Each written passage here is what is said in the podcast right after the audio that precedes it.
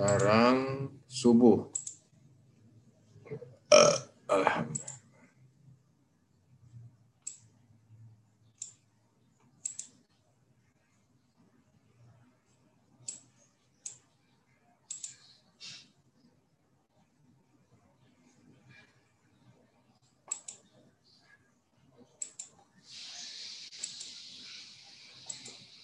Nah, ini waktu subuh ya. Yang lalu kan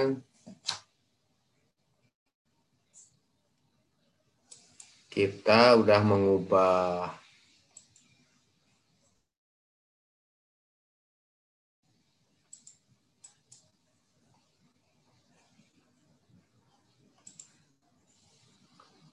Yang sebelumnya waktu subuh itu adalah ketika terbit fajar di ufuk timur Terbit fajar dalam ilmu falak didefinisikan dengan tinggi matahari. Coba.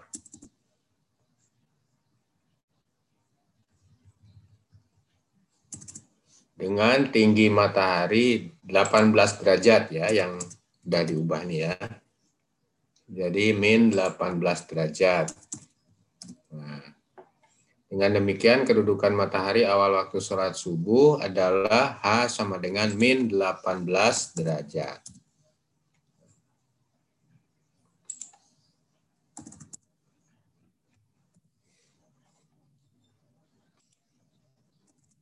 Tinggi matahari awal waktu sholat subuh tidak perlu dihitung lagi. Jadi sudah ini sudah minus 18. Nah, oleh karena itu kita langsung saja misalnya kita ambil contoh ya. Nah, kita buat contoh perhitungannya dengan kriteria terbit fajar minus 18 derajat. Kita contoh hitungannya kita ubah. Hitung awal waktu sholat subuh untuk Yogyakarta dan sekitarnya menurut waktu WIB pada tanggal 5 sekalian ya, 5 supaya sama. 5 Juni yang lalu. Nah, 2021. Jika diketahui lintangnya tetap, bujur tempat Jogja tetap, dan deklinasi kita ubah. Mbak cari dulu ya deklinasinya. Afan Ustaz. Tanggal 5 Juni untuk waktu subuh. Termasuk equation of time.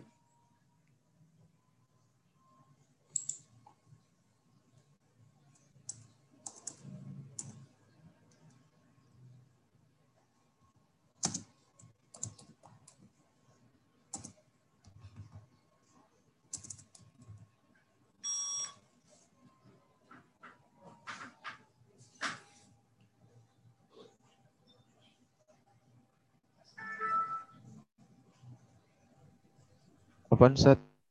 Ya. Ini share screen-nya masih di file waktu sholat Isya, Ustaz. Belum berubah? Belum berubah, Ustaz. Belum, Ustaz. Oh. Bentar, bentar.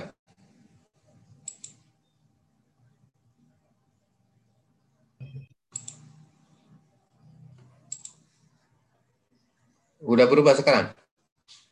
Nah, Alhamdulillah, Ustaz. Sudah. Ini ya, udah ya. Ustaz. Screen-nya udah berubah, sudah.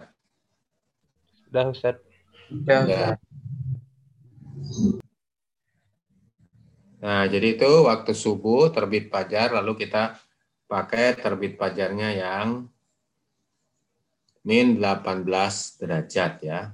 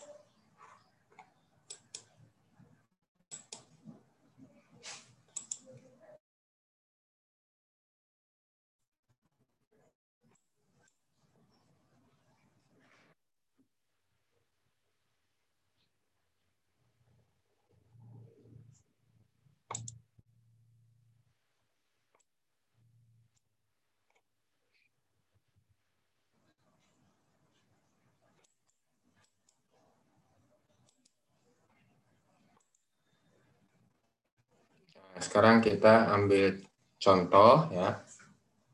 Hitunglah awal waktu sholat subuh untuk Yogyakarta dan sekitarnya. Menurut waktu WIB pada tanggal 5 Juni 2021.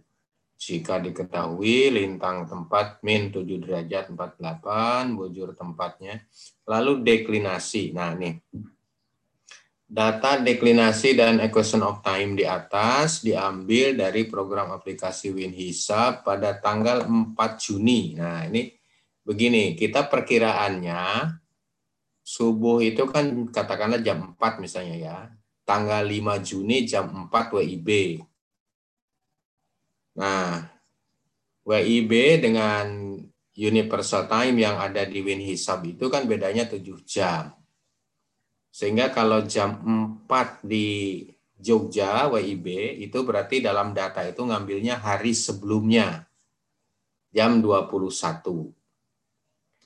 Nah, lalu kita memperkirakan misalnya eh, subuhnya jam 4 lebih 30, ya, berarti ini jam 21.30. Nah, sekarang jam 21.30 tanggal 4 ini Nah, ini yang yang penting subuh di sini. Mengambil datanya ini hari sebelumnya. Ya tergantung nanti kalau jam 4 berarti hari sebelumnya jam 21, kalau jam 4.30 ya hari sebelumnya jam 21.30. Nah, ini kita ambil yang jam 4.30 berarti hari sebelumnya jam 21.30 itu deklinasinya 22 derajat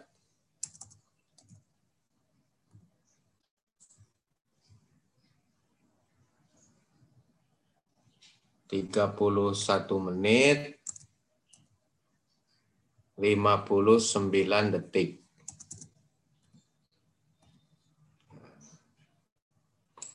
Lalu equation of time-nya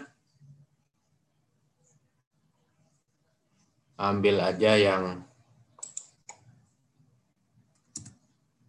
satu menit 32 detik. Nah, jadi ini datanya sudah lengkap. Untuk subuh ya cuma ini aja datanya. Jadi untuk tanggal 5 kita ambil ini datanya yang tanggal 4 ya. Deklinasi matahari dan action of time-nya.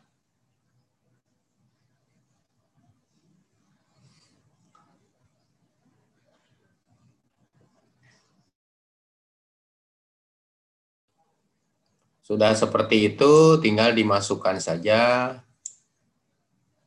ke perhitungan ya. Ke rumus sudut waktu. Nah, langsung sudut waktu tanggal 5 Juni 2021. Tadi deklinasinya 22, 31, 59.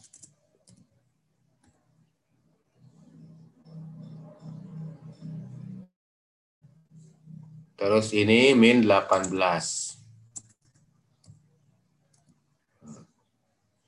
Nah, tinggal dihitung seperti biasa ya. Ya, kita nih ganti dulu. 22 31 59.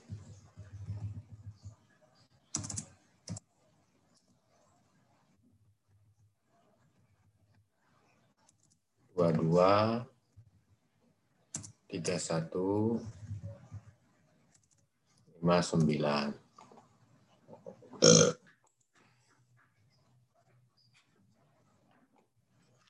Hitung.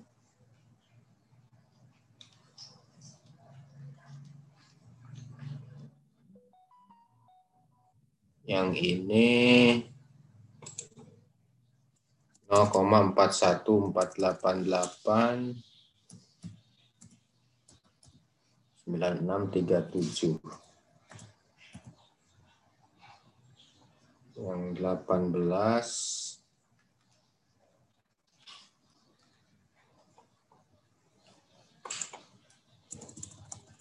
ini 03090 16994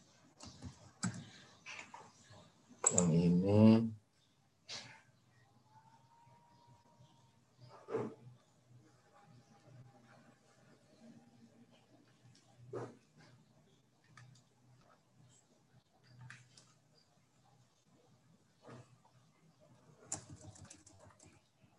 delapan dua enam. lima satu satu.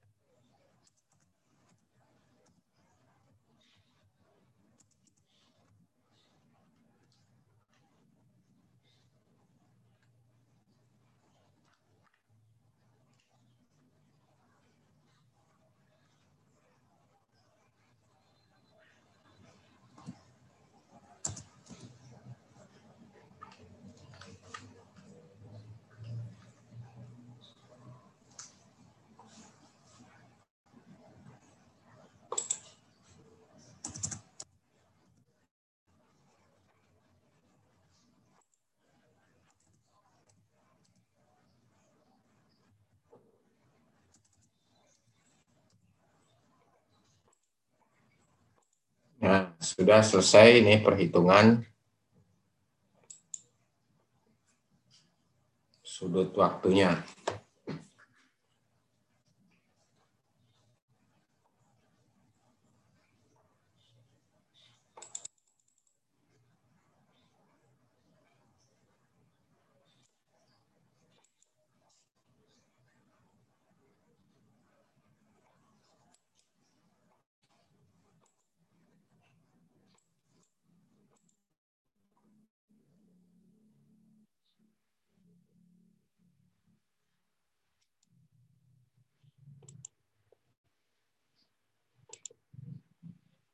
Jadi setelah dihitung, sudut waktunya 7 jam, 5 menit, 14,61 detik.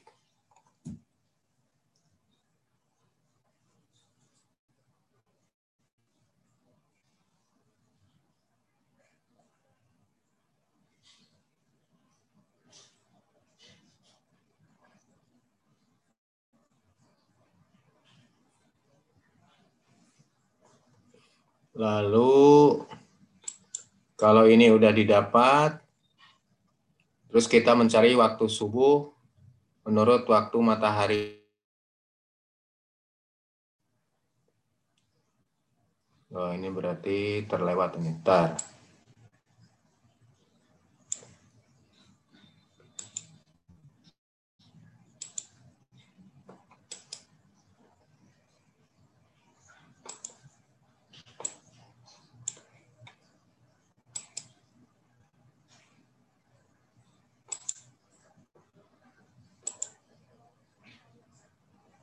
Ya, waktu subuh menurut waktu matahari hakiki.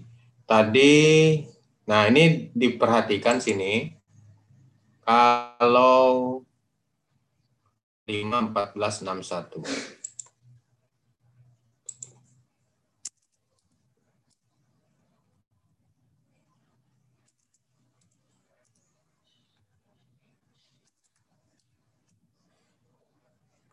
Ini diperhatikan kalau yang lain asar, maghrib, dan isya itu sudut waktu ditambah 12 jam.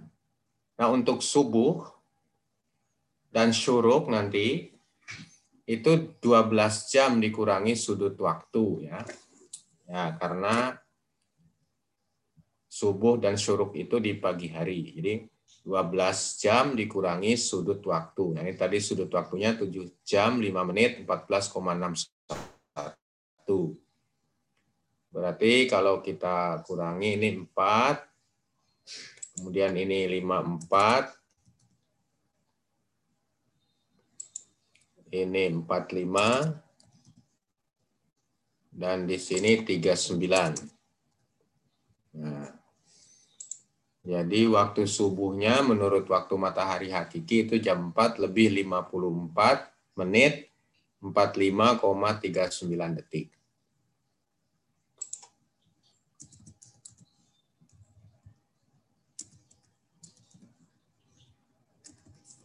Nah, lalu tadi kita punya equation of time-nya, datanya adalah satu menit, satu menit 32 detik ya. Satu menit 32 detik. Nah, ini plus, jadi dikurangi ini, berarti di sini 53 ini 13 ini 39 Nah, jadi ini waktu subuhnya menurut waktu setempat. Ya, ini prosesnya sama dengan yang lain-lain ya. Terus sekarang kita akan mencari menurut WIB-nya jam berapa. Nah, kita cari dulu selisih waktu bujur dan sudah kita cari ya, datanya tetap ini. Bujurnya tetap berarti data ini tetap. Nah, hanya yang tadi ini B 53 13 39.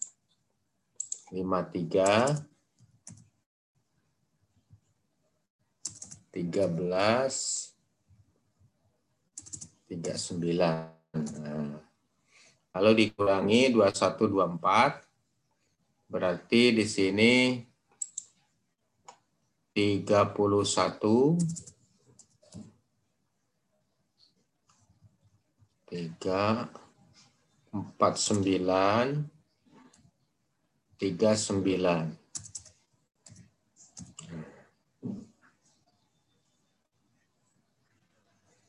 Lalu ditambah ikhtiar sepuluh 61.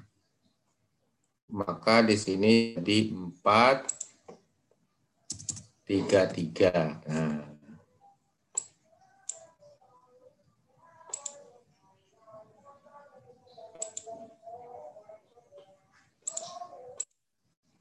Di waktu subuhnya tanggal 5 itu jam 4.33 ya menurut perhitungan ini ya.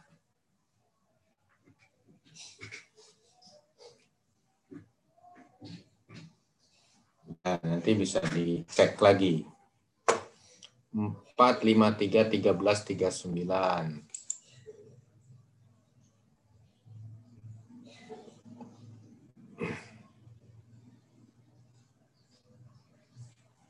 Nah, kita ulangi tadi ini. Terus sudut waktu, data dulu ya, data, kemudian ngitung sudut waktu. Nah, sudah ketemu sudut waktunya. Lalu menghitung subuh WMH. Nah, ingat di sini 12 dikurangi sudut waktu ya. Sudut waktunya 7, 5, 14, 61. 7, 5, 14, 61. Nah, kalau kalau yang lain itu kan ditambah sudut waktu ditambah 12. Kalau ini 12 ditambah sudut waktu. Eh dikurangi sudut waktu. Kemudian masih dikurangi lagi dengan equation of time. Ini equation of time-nya ke plus ya. Dilangsung, maka ini 39, ini 13, ini tinggal 53. Ini menurut waktu setem, menurut waktu setempat. Lalu diubah menjadi WIB, maka harus dikoreksi dengan selisih waktu bujur ini. Nah, 453, 13, 39 tadi ini. Koreksi dengan selisih waktu bujur. 39, 9, 4, 1, 3, 1, 4. 4, 3, 1, 49, 39. Lalu ditambah ikhtiat, 1 menit 10,61. 10,61 ini menyesuaikan dengan hasil perhitungan supaya jadi 60 ya. Jadi 60 maka jadi 31 jadi 32 tambah 1 jadi 33. Maka subuhnya jam 4.33 menurut perhitungan ini ya. Nah, jadi tidak bedanya hanya tadi aja mengambil data dengan mengurangi ya pengurangan. Nah, sekarang kita kalau ambil contohnya yang berbeda ya. Tadi tanggal 5 Juni, sekarang kita ambil contoh tanggal 6 Juni.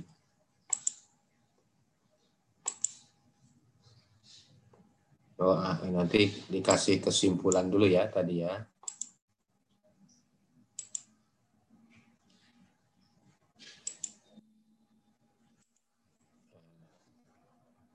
Kesimpulannya gimana ya?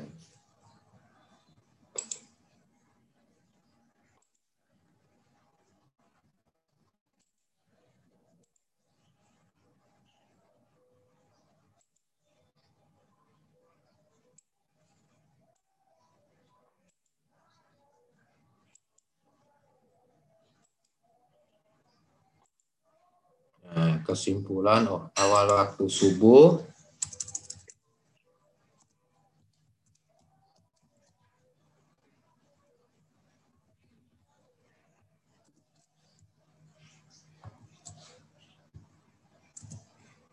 di Yogyakarta tanggal 5 Juni 2021 pukul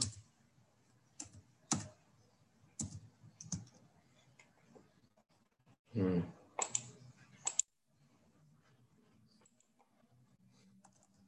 Empat lebih tiga puluh tiga. Nah, itu kesimpulannya.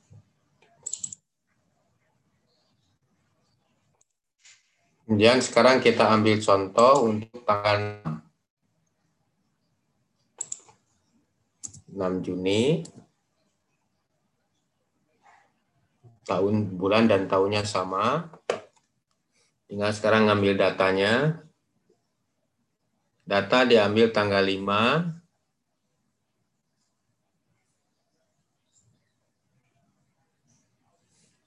Jam 4.30 atau jam 21.30 tanggal 5 ya. Tanggal 5 nah, Juni ngambil datanya. Deklinasinya 22 38 24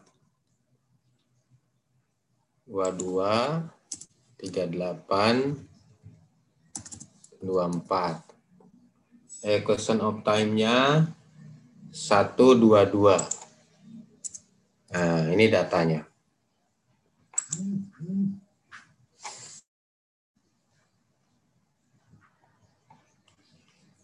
Kemudian langsung kita hitung sudut waktunya. Ini 22,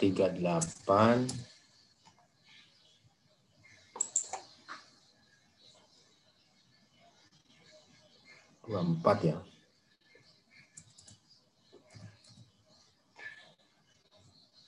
Dua dua tiga delapan dua empat.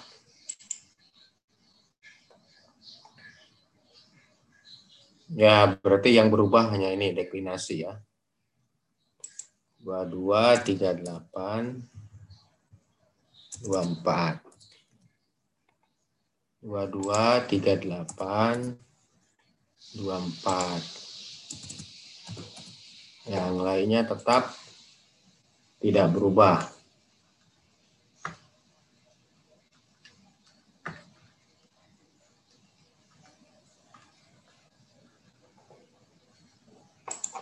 empat satu tujuh kosong tujuh sembilan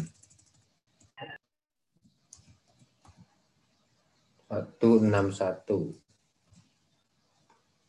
yang ini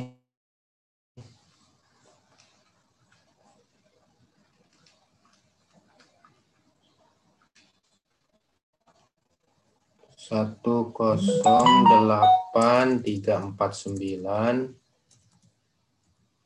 2052. Nah.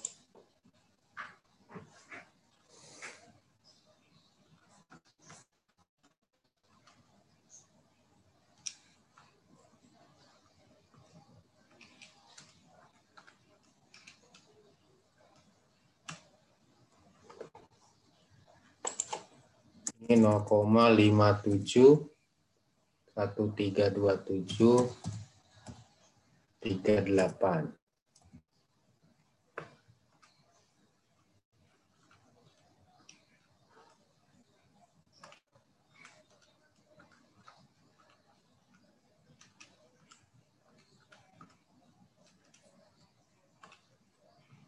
Yang ini 0, min 0,379 4417.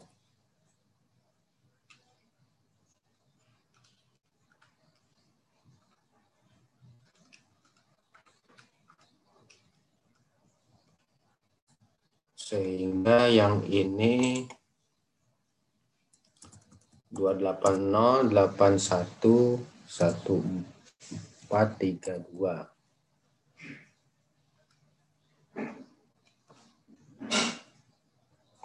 Ratus enam derajat, delapan belas menit, tiga satu koma satu.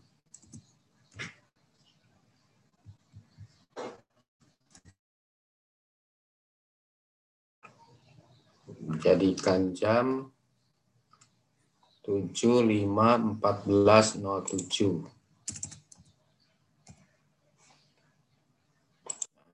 sudut waktunya sudah ketemu.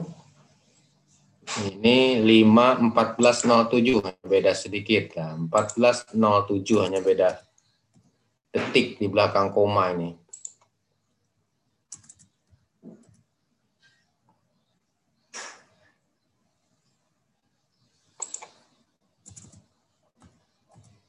Kemudian tadi equation of time-nya 122 ya.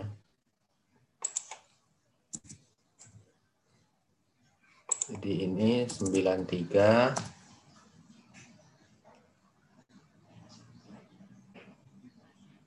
dua tiga. Dan tiga dua tiga. Ini lima tiga. Nah lima tiga dua tiga sembilan tiga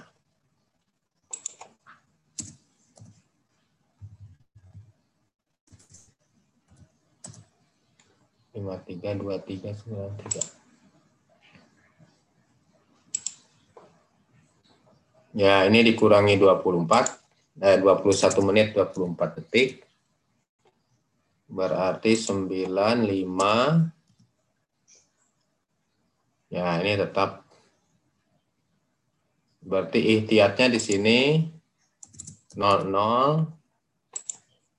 07. Nah, di sini tetap 33. Jadi kesimpulannya sama ya. Copy aja dari sini. Nah, 6 Juni.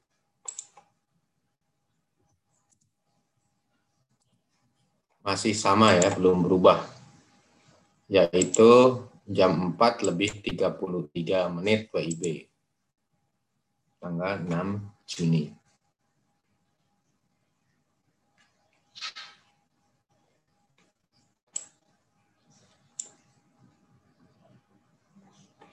Ya, sekarang silahkan disalin contohnya.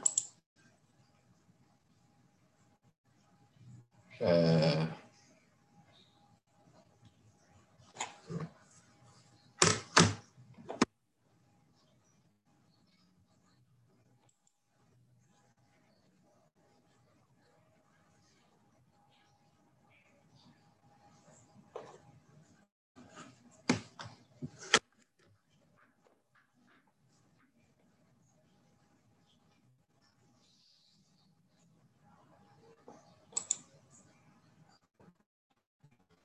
kita simpan aja nih.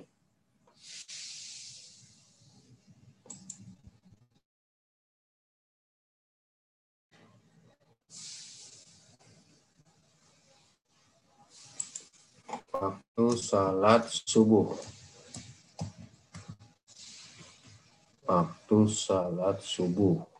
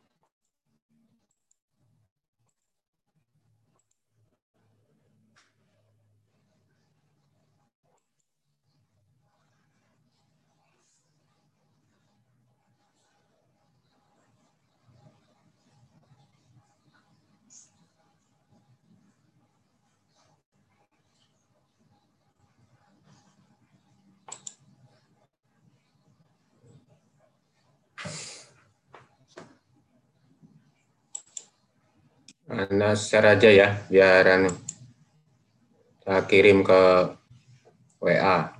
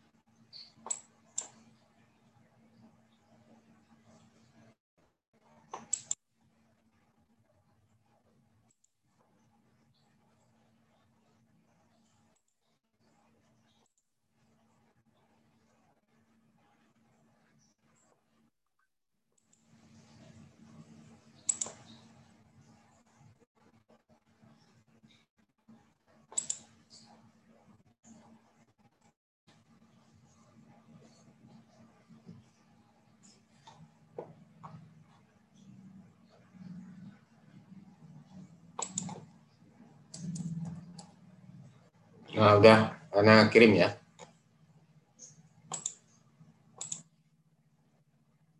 Ana kirim barisan ke WA grup ya. Nah, Ustaz, udah Ustaz. Jazakallah khairan Ustaz. Itu waktu subuh.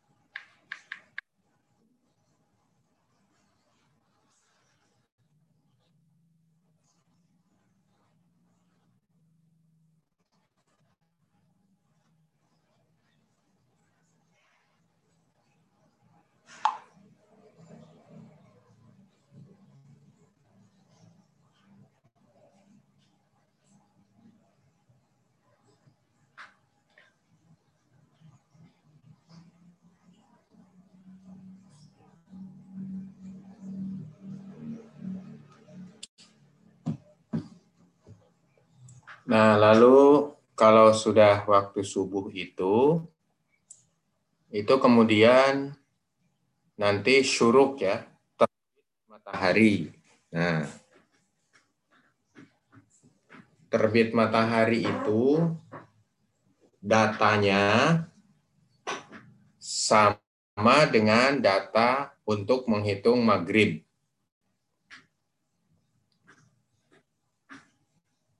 Pengambilan datanya khusus deklinasi dan equation of time itu seperti mengambil data waktu subuh. Jadi hari sebelumnya kalau kita misalnya akan kok hilang?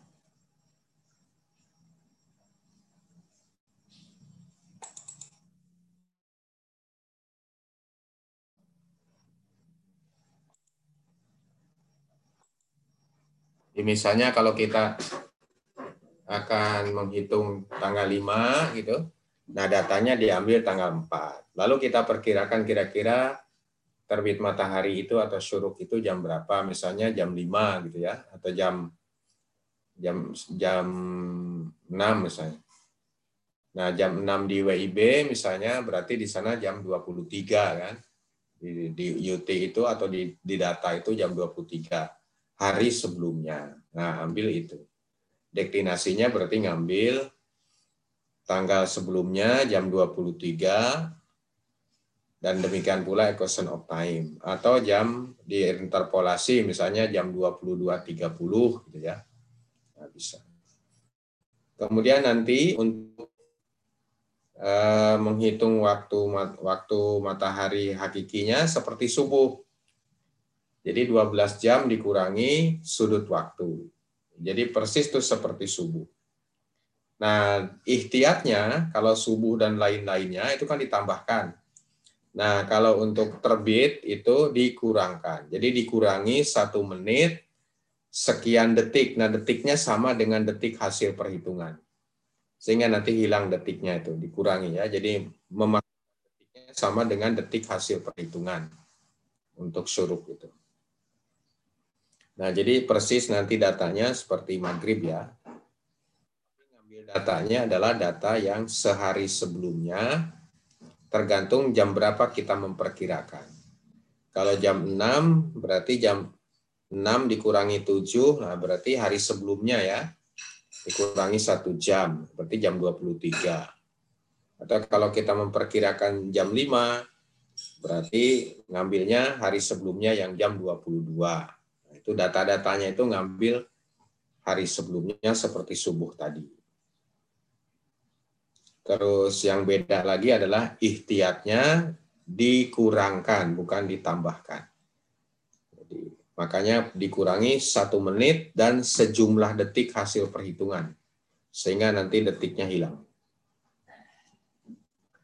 Nah, kemudian kalau untuk duha, duha itu biasanya kita menggunakan tinggi matahari itu 4 derajat 42 menit mengikuti yang di bukunya Kayu Wardan di Poningrat ya.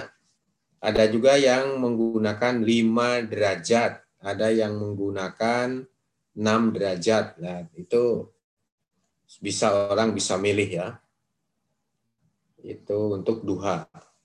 Jadi tinggi mataharinya sudah ditentukan. Lalu nanti dihitung menghitungnya seperti subuh itu. Seperti subuh ya, persis kamu. Ya, tidak tidak seperti syuruk karena syuruk tadi dikurangi ihtiyatnya ya. Kalau duha nanti anak akan buat contoh kemudian nanti akan di anu dikirim di WA ya untuk syuruk dan duha. Untuk syuruk dan duha insya Allah nanti akan dikirim ya. Nah, sementara ada pertanyaan tentang yang tadi, paling tidak ya mengenai waktu subuh.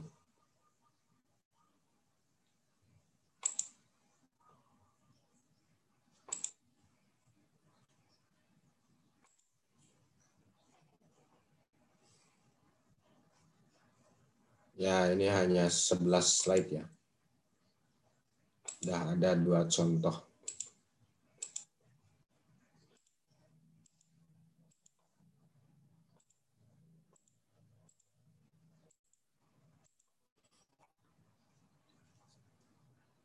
Berarti kalau tidak ada, kita nanti tinggal ujian ya, ujiannya nanti nanti soalnya anak kirim ke anu aja, ke WA aja ya.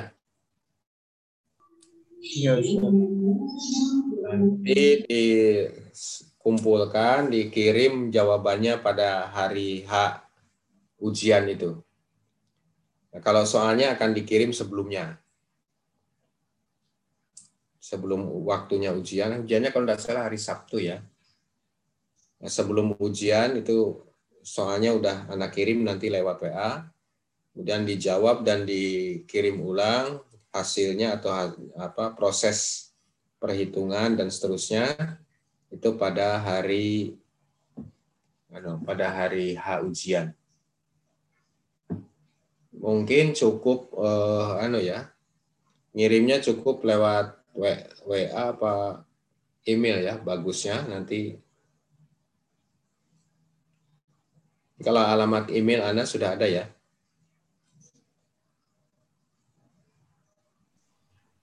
Insya Allah Ustaz. ya nanti di lewat email aja ya biar mudah hanya ngirimnya lewat email Ya, Ustaz. Insya Allah. yang Gmail itu yang Oman Fatur Rahman SW at gmail.com.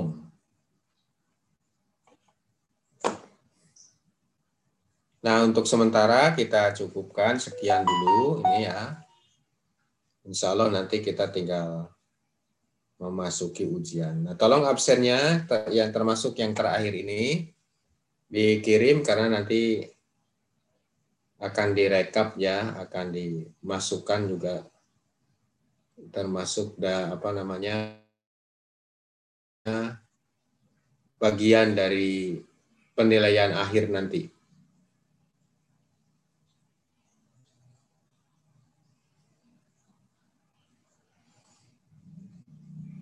Baik ya, untuk kita bersama-sama dengan membaca hamdalah. Alhamdulillah. ya Rabbil Alamin. Alhamdulillahirabbil alamin. Alhamdulillahirabbil alamin.